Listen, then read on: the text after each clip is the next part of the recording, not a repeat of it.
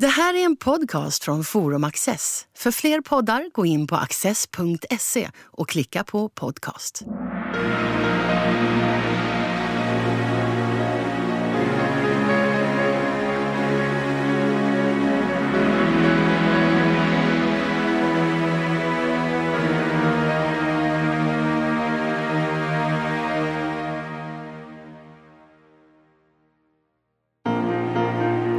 Globala uppvärmningen är ett av vår tids viktigaste problem och har länge dominerat det offentliga samtalet. Men hur har klimatet förändrats genom historien och hur har det påverkat den historiska utvecklingen? Det är några av de frågor som historikern och klimatforskaren Fredrik Charpentier Ljungqvist tar upp i sin bok Klimatet och människan under 12 000 år och som han och Åsa Karlsson samtalar om. Eh, när man tar del av debatten kring den globala uppvärmningen så ser man ju väldigt sällan referenser till historien. Men i klimatavtalet från Paris 2015 där finns det en skrivning eh, som refererar till förindustriella nivåer. Alltså att det skulle vara eh, ett normaltillstånd för temperaturen i världen. Men varför är det här problematiskt, tycker du? Problemet är att förindustriella nivåer i avtalet från 2015 är aldrig definierat. Det är aldrig definierat vilken period man avser. Eh, och då är det inte ett mätbart mål när man har då nått en och en halv grads global uppvärmning eller 2 graders global uppvärmning över förindustriella nivåer. För det är aldrig definierat vad förindustriella nivåer är, alltså vilken period. Och beroende på hur varm den referensperiod man skulle ha är tar det olika lång tid till den globala uppvärmningen når en och en halv eller två grader. Och det är först i efterhand man faktiskt definierade vad man avser. Och det är då perioden 1850 till 1900, den första perioden som vi egentligen har globala meteorologiska mätningar, ett globalt nätverk.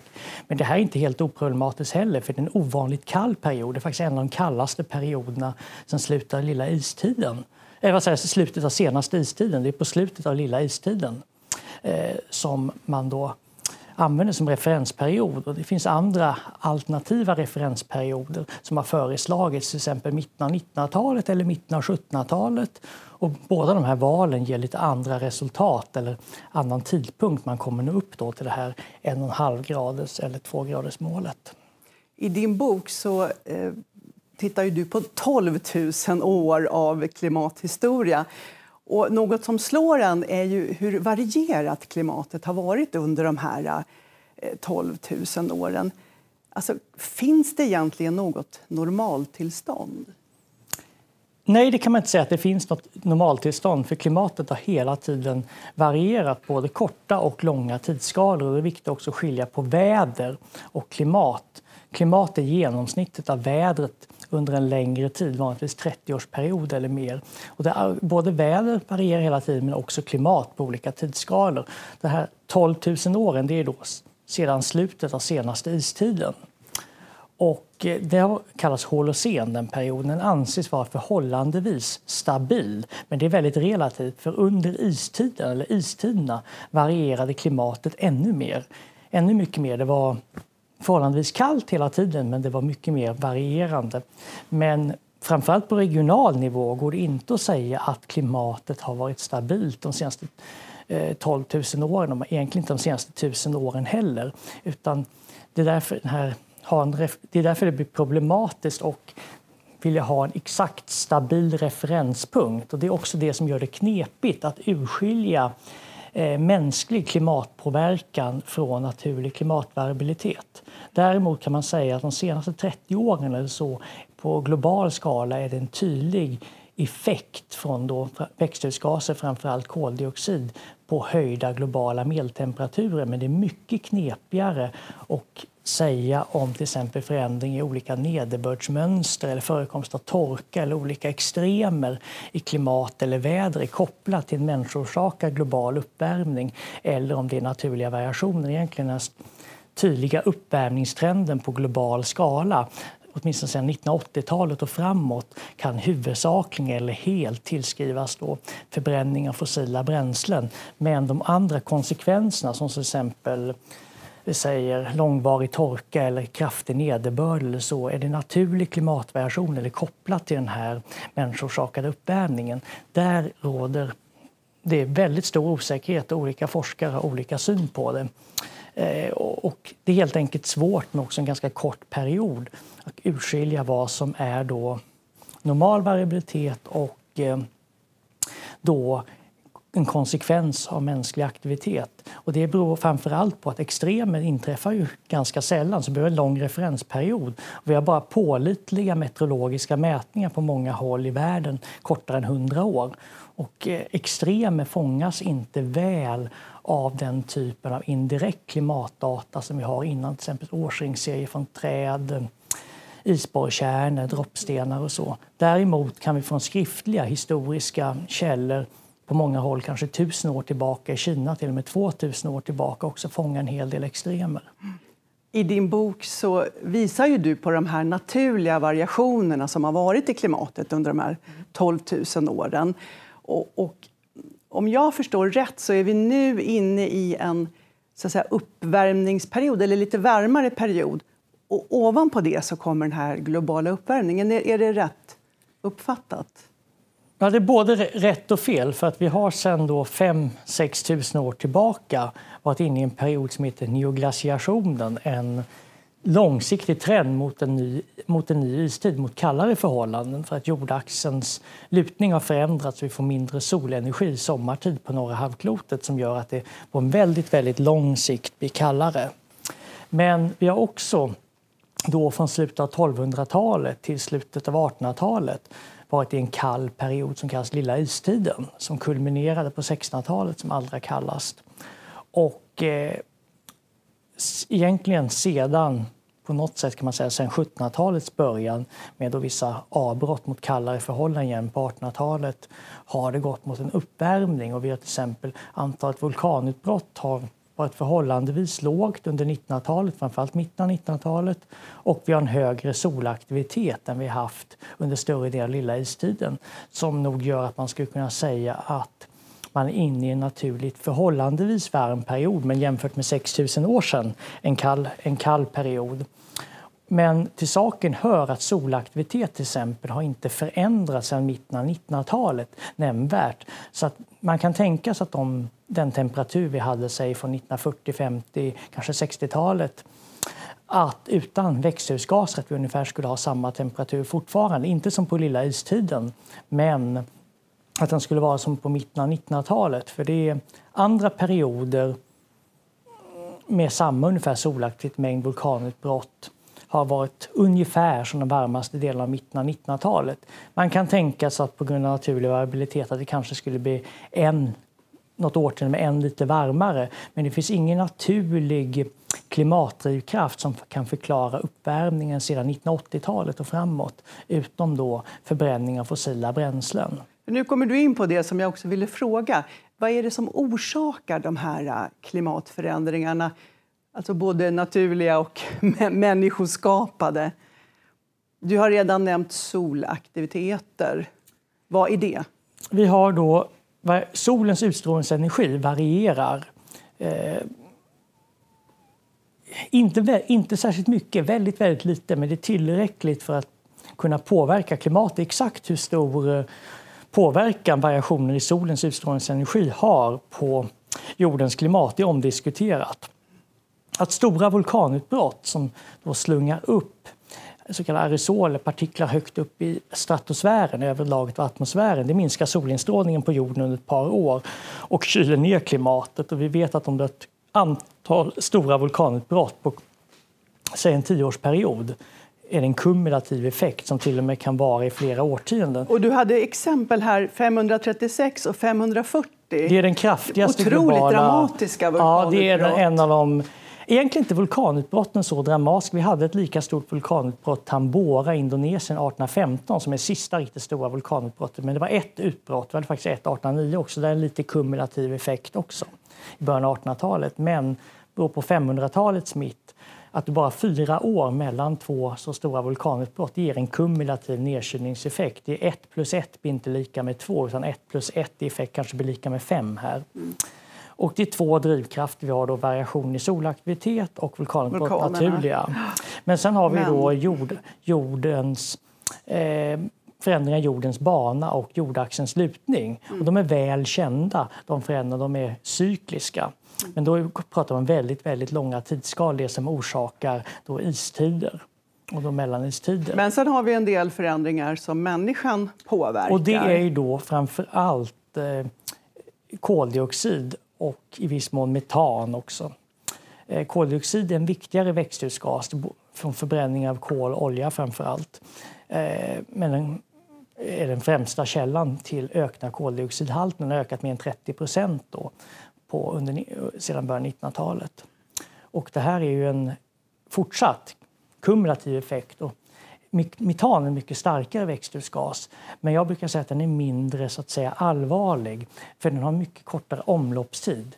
Eh, den koldioxid vi släpper ut eh, kommer merparten finnas kvar i atmosfären om 100 år medan nästan all metan kommer vara borta. Den har så lång så att den kum hela tiden läggs på. Och även om vi skulle sluta eh, förbränna kol, olja och, andra, och fossila bränslen nu skulle de flesta av den koldioxid vi har släppt ut finnas kvar i många generationer och fortfarande ha en klimatpåverkan.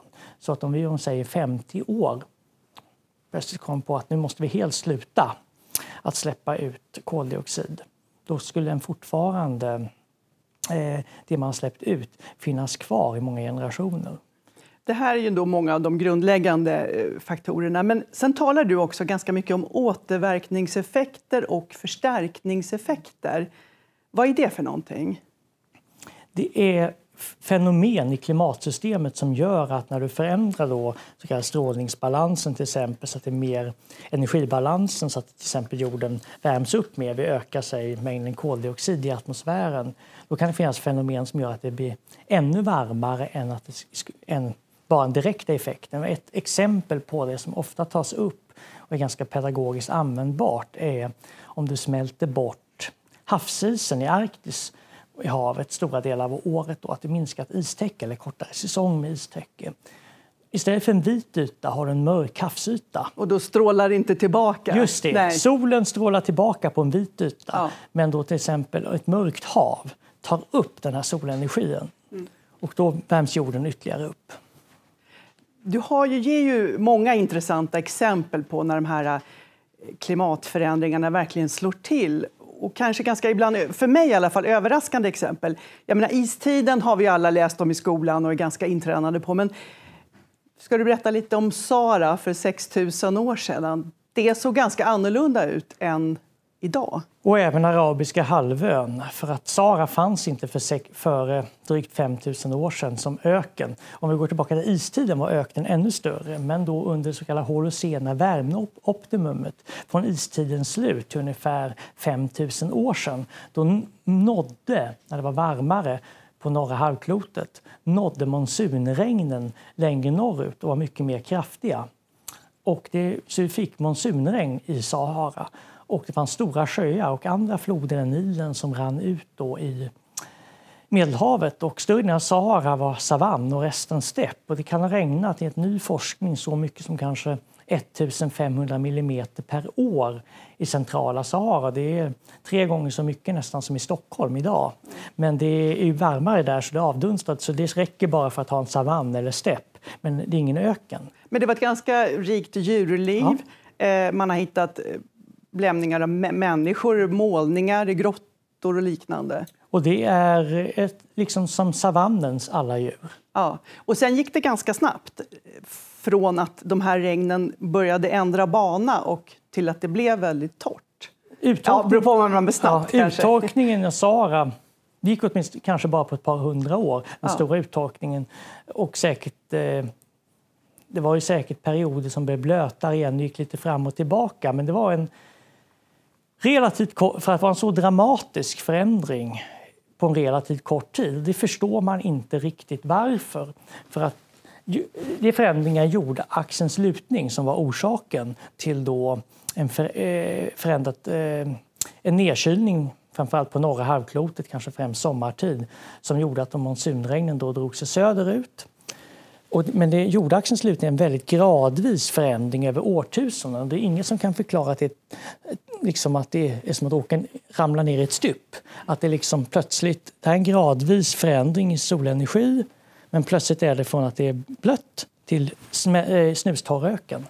Och det är en sån här um, tipping point eller något sånt eh, som en del kallar det. Alltså ett eh, något man inte riktigt kan förklara och sånt som man är orolig för ska ske med klimatsystemet i framtiden. För det är inget som man kan varken matematiskt beräkna, egentligen modellera med klimatmodeller eller riktigt helt förstå. Mm. Det en, som en del kallar det på engelska, tipping point i klimatsystemet. Ja, det hör man ju ofta, det uttrycket. Och det här är kanske det ja. bästa exemplet. Sara, Men man ja. kan se då att samtidigt ungefär är det en väldigt kraftig nedkylning på nordliga breddgrader på norra halvklotet och är med till exempel glaciärer som växer i storlek eller återbildas. Kom ihåg att väldigt många av jordens glaciärer som idag smälter igen, de fanns inte för 5-6 tusen år sedan. De var alla bortsmälta i ett varmare klimat. Och sen kom de tillbaka. Och sen kom de tillbaka. Är därför man kallar det neoglaciationen, nyglaciationen. Och det sker ungefär samtidigt, det att ta ett par hundra år, med Sahara och Mellanösterns uttorkning. En fråga som man ju ställer sig det är har det någonsin varit varmare än vad vi upplever idag på jorden? Mycket varmare har vi haft det om vi går tillbaka många hundratusen år. Senaste mellanistiden, EM, för ungefär 120-130 000 år sedan, den var också varmare än idag. Då det man kallar postglaciala klimatoptimumet, mitten av Holocen, då för 8-6 000 år sedan, var förmodligen även globalt lite varmare än idag. När det gäller de senaste årtusendena... Den medeltida värmeperioden var ganska varm också. Den är förmodligen på global skala något svalare än de senaste två årtiondena på global skala, men regionalt, som i Skandinavien, är det sannolikt att den var varmare eller lika varm som idag. Men på global skala kanske som slutet av 1900-talet. Men eh, här är det väldigt viktigt att komma ihåg att vi har en fortgående global uppvärmning, även om vi kan pausa i den ett antal år. Men trenden har varit fortsatt uppvärmande så att om vi jämför med slutet av 1900-talet då kan det till exempel varit lika varmt för tusen år sedan. Men det är en annan sak att prata om 2010-talet. För att det är, det är därför vi pratar om global uppvärmning, en pågående process. Och klimatforskare använder och meteorologer normalt sett referensperioden 1961 till 1990 när de talar om idag. Och eh, det är ju ett tag sedan nu och då var det avsevärt eh, svalare på jorden än det är idag. Så att om man jämför medeltida värmeperioder med den här referensperioden 1991-1990 då var det förmodligen på stora delar av jorden och kanske även globalt under en hundraårsperiod eller så på vår, slutet av vår vikingatid något varmare men då svalare än idag för det har hänt någonting. Och det är ett problem ibland att det är väldigt viktigt igen med referensperioder som vi började tala om. Att även det man kallar idag, vad är idag? Mm. Är det då slutet av 1900-talet, de sista tio åren? Det man tar till sig mycket tycker jag när man läser din bok, det är ju just det här vad blir konsekvenserna av de här klimatförändringarna för människor, för samhällen? Och det ger ju många exempel på till exempel att det kan slå ganska olika när temperatur och nederbörd förändras. Det kan vara bra i ett område, det kan vara dåligt för ett annat område samtidigt. Samma förändring kan betyda olika saker. Det var en sån där sak som jag verkligen tänkte på. Och en annan sak som jag tänkte mycket på det var också att eh, längre tillbaka när befolkningen inte var så stor och framförallt levde liksom mera nomadliv, då kunde man flytta på sig när klimatförändringarna kom och kanske fortsätta tillvaron någon annanstans. Men ju mer bofasta vi blir och ju mer större befolkningen blir, ja, svårare blir det på något sätt att kompensera för samhället för sådana här stora klimatförändringar. Samtidigt är vi idag mer, har vi bättre anpassningsförmåga än tidigare på nästan alla det sätt via vår teknologi och vår infrastruktur. Och man kan säga relativt oberoende i större delen av världen av lokal matproduktion. Och det, men det är bara de senaste 100-200 ja. åren som vi faktiskt själva kan också kompensera för klimatförändringarna. Och samtidigt som vi också kan skapa dem. Det är liksom två sidor av, av samma sak man kan väl säga att man har försökt. Man förstod förmodligen inte i de flesta fall. Man var medveten om väderförändringar. Men långsiktiga klimatförändringar var omdiskuterade om de ens existerade bland vetenskapsmän. Fram till 1930-talet var en diskussion om det ens ägde rum. Långsiktiga klimatförändringar. Istiden började kännas till på då 1800-talet men säg under de senaste par tusen åren har klimatet allt förändrats. Eh, det, var en diskussion fram till 1930-talet om det bara är variationer årtionde till årtionde, år till år eller om det är, faktiskt är klimatförändringar på då längre tidsskalor. Och förmodligen var man inte medveten om det överhuvudtaget då, säg på 1500-1600-talet. Man kunde märka att det var hårda tider.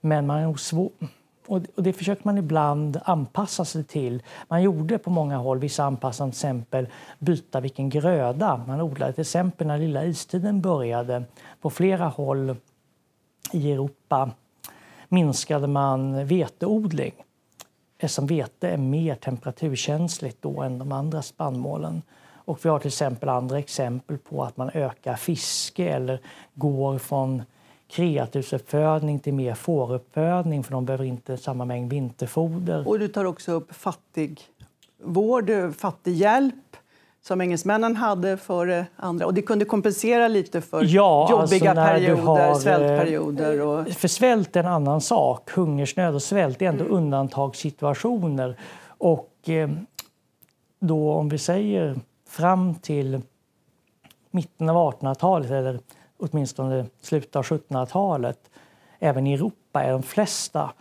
perioder av svält ytterst orsakade inte av väpnade konflikter, det förvärrar det, men faktiskt av extremt oförmånliga vädervillkor. Jag skulle säga extremväder snarare än klimatförändringar, men det var vanligare med missväxt till exempel i Nordeuropa under kalla klimatperioder för kunde helt enkelt växtsäsongen vara för kort och det kunde komma i början och slutet av växtsäsongen eh, svår nattfrost till exempel. Och i torrare områden är det då till exempel under i monsunregnsområden perioder med svagare monsunregn större risk för missväxt. Men ytterst är det förekom det som så kraftig missväxt då i flera år i sträck. För det som var viktigt för att hungersnöd skulle kunna uppstå, till och med svält, att det var ett antal år skördarna i rad fallerade också i områden som ofta levde bara på en eller ett par få grödor eller andra utkomstkällor. Du, nu måste jag fråga dig lite grann om forskningen. För att eh, du talade tidigare om att man har inte vetat så mycket om de här klimatförändringarna. Och mycket av klimatforskningen är ganska nylig, så att säga. Det, det, du kunde inte ha skrivit den här boken för 30 år sedan till exempel. Inte ens för 10 år sedan egentligen. Inte för 10 år sedan heller. Nej, Och vad är det som man forskar på? Vad är det som har hänt med forskningen? Det som har hänt är att fältet paleoklimatologi, alltså naturvetenskapliga klimathistoriska forskning, till exempel studiet av årsringar från träd, eh, isotoper i droppstenar, isborrkärnor, pollen men även då att få ut klimat eller väderinformation av historiska skriftliga källor. När forskning forskningen har förekommit kan man säga, på allvar egentligen sedan 1960-70-talet, lite till och med ännu tidigare. Men exploderade först på sent 1990-tal, egentligen 2000-tal, eh, där det blev eh, en omfattande sådan forskning. Om vi tittar på när de flesta av de här så kallade proxydata, alltså naturliga klimatarkiv, som till exempel årsringsserier från träd som kan spegla temperatur eller torka, beroende på var de kommer från, isborrkärn med mera när de här serierna kommer från har de flesta datum från vetenskapliga publikationer på 2000-talet. Och eh, när man kunnat få en bild och jämföra olika världsdelar och även de analysmetoderna och beräkningsmetoderna för det här. Eh, det är 2000-tal egentligen. Och dessutom om man använder datoriserade klimatmodeller inte bara för att simulera klimat i framtiden med högre halter växthusgaser i atmosfären utan även försöka simulera klimatet bakåt i tiden. På allvar har det först gjorts. Istidsklimat och så har faktiskt simulerats tidigare men säg senaste två årtusendens klimat har egentligen först simulerats på 2000-talet också. Det finns också skriftliga källor och ja. de har historikerna kanske inte riktigt tagit på allvar alltid, eller hur? Att man förstår mera innebörden i vissa skrivningar nu när man har det här materialet. på allvar började det på 60-70-talet, eh, både i eh, Europa och i Kina faktiskt. Eh, på 1960 och 70-talet med att titta på skriftliga källor. Sen har det exploderat mer på 2000-talet, men det har en längre historia. Och I Sverige har vi faktiskt en historiker Utterström som redan gjorde det på 1950-talet men det var ingen uppföljare och i Skandinavien har väldigt lite gjorts. Det har gjorts ett par studier igen på 2000-talet men det faktiskt går tillbaka till 1950-talet för svensk del. Men sen har det inte varit någon som varit intresserad och följt upp det.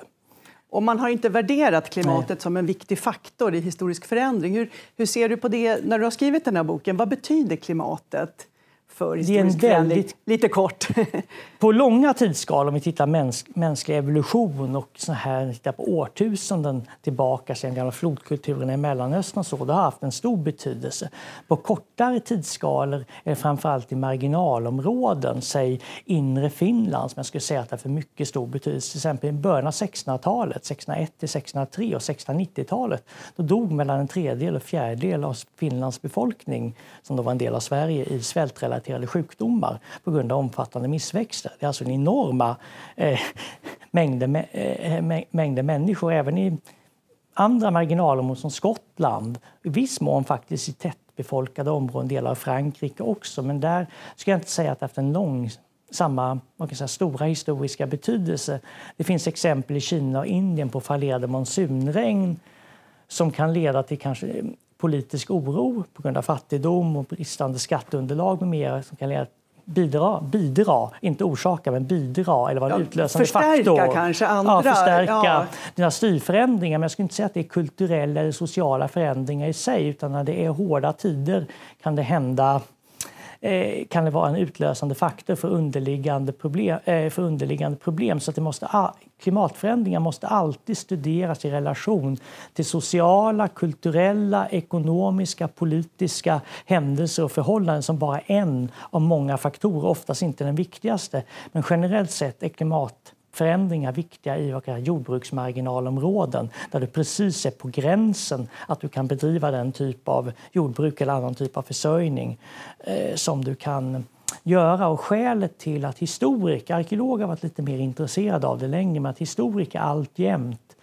på de flesta håll inte är skeptiska till att ta in klimatförändringar i, i förklaringsmodeller där förändra, eh, om man väldigt generaliserar, är att det finns en tradition som fortfarande är väldigt levande och inte minst bland många geografer, ibland även bland vissa arkeologer, att man tar bara tittar på sam korrelation i tid mellan två, säg befolkningstillväxt och temperatur eller något sånt. Och bara för att de pekar åt samma håll tror man ett samband, men inte alls säkert att det är något samband. Väldigt förenklade eller deterministiska, liksom ödesbestämda förklaringsmodeller. Det fanns framför allt i början av Eh, 1900-talet. och ibland var det kopplat till och med till forskning som den tidens rasbiologi eller socialdarwinism och så. För det fanns någon som har försökt förklara folkvandrare till exempel med dramatiska klimatförändringar egentligen innan vi hade några ordentliga källor på det.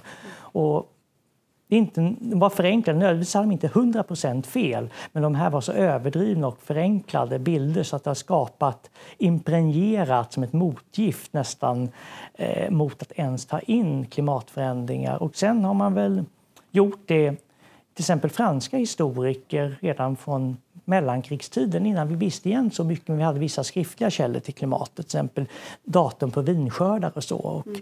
datum med eh, skriftliga källor hur väder hade varit på, från medeltiden och framåt. De franska historiker tog ofta in det på mitten av 1900-talet men ett problem där var att många av de som sysslade med då jordbrukshistoria, agrarhistoria som var den gren där klimat mest naturligt kommer in var en utpräglad marxistisk forskningstradition och de här materiella eller materialistiska förklaringarna då som till exempel klimat egentligen är för då produktionen. De slängdes ut med när marxismen så att säga eh, inte var poppis längre eller när den eh, mer eller mindre försvann ur akademin. Det är ett jättestort ämne som vi nu har försökt beröra. Jag måste säga att jag tycker det här var, för mig var det väldigt omtumlande att läsa din bok. Och, eh, den visar verkligen att vi måste studera historia för att förstå nuet, även när det gäller klimatet. Tack!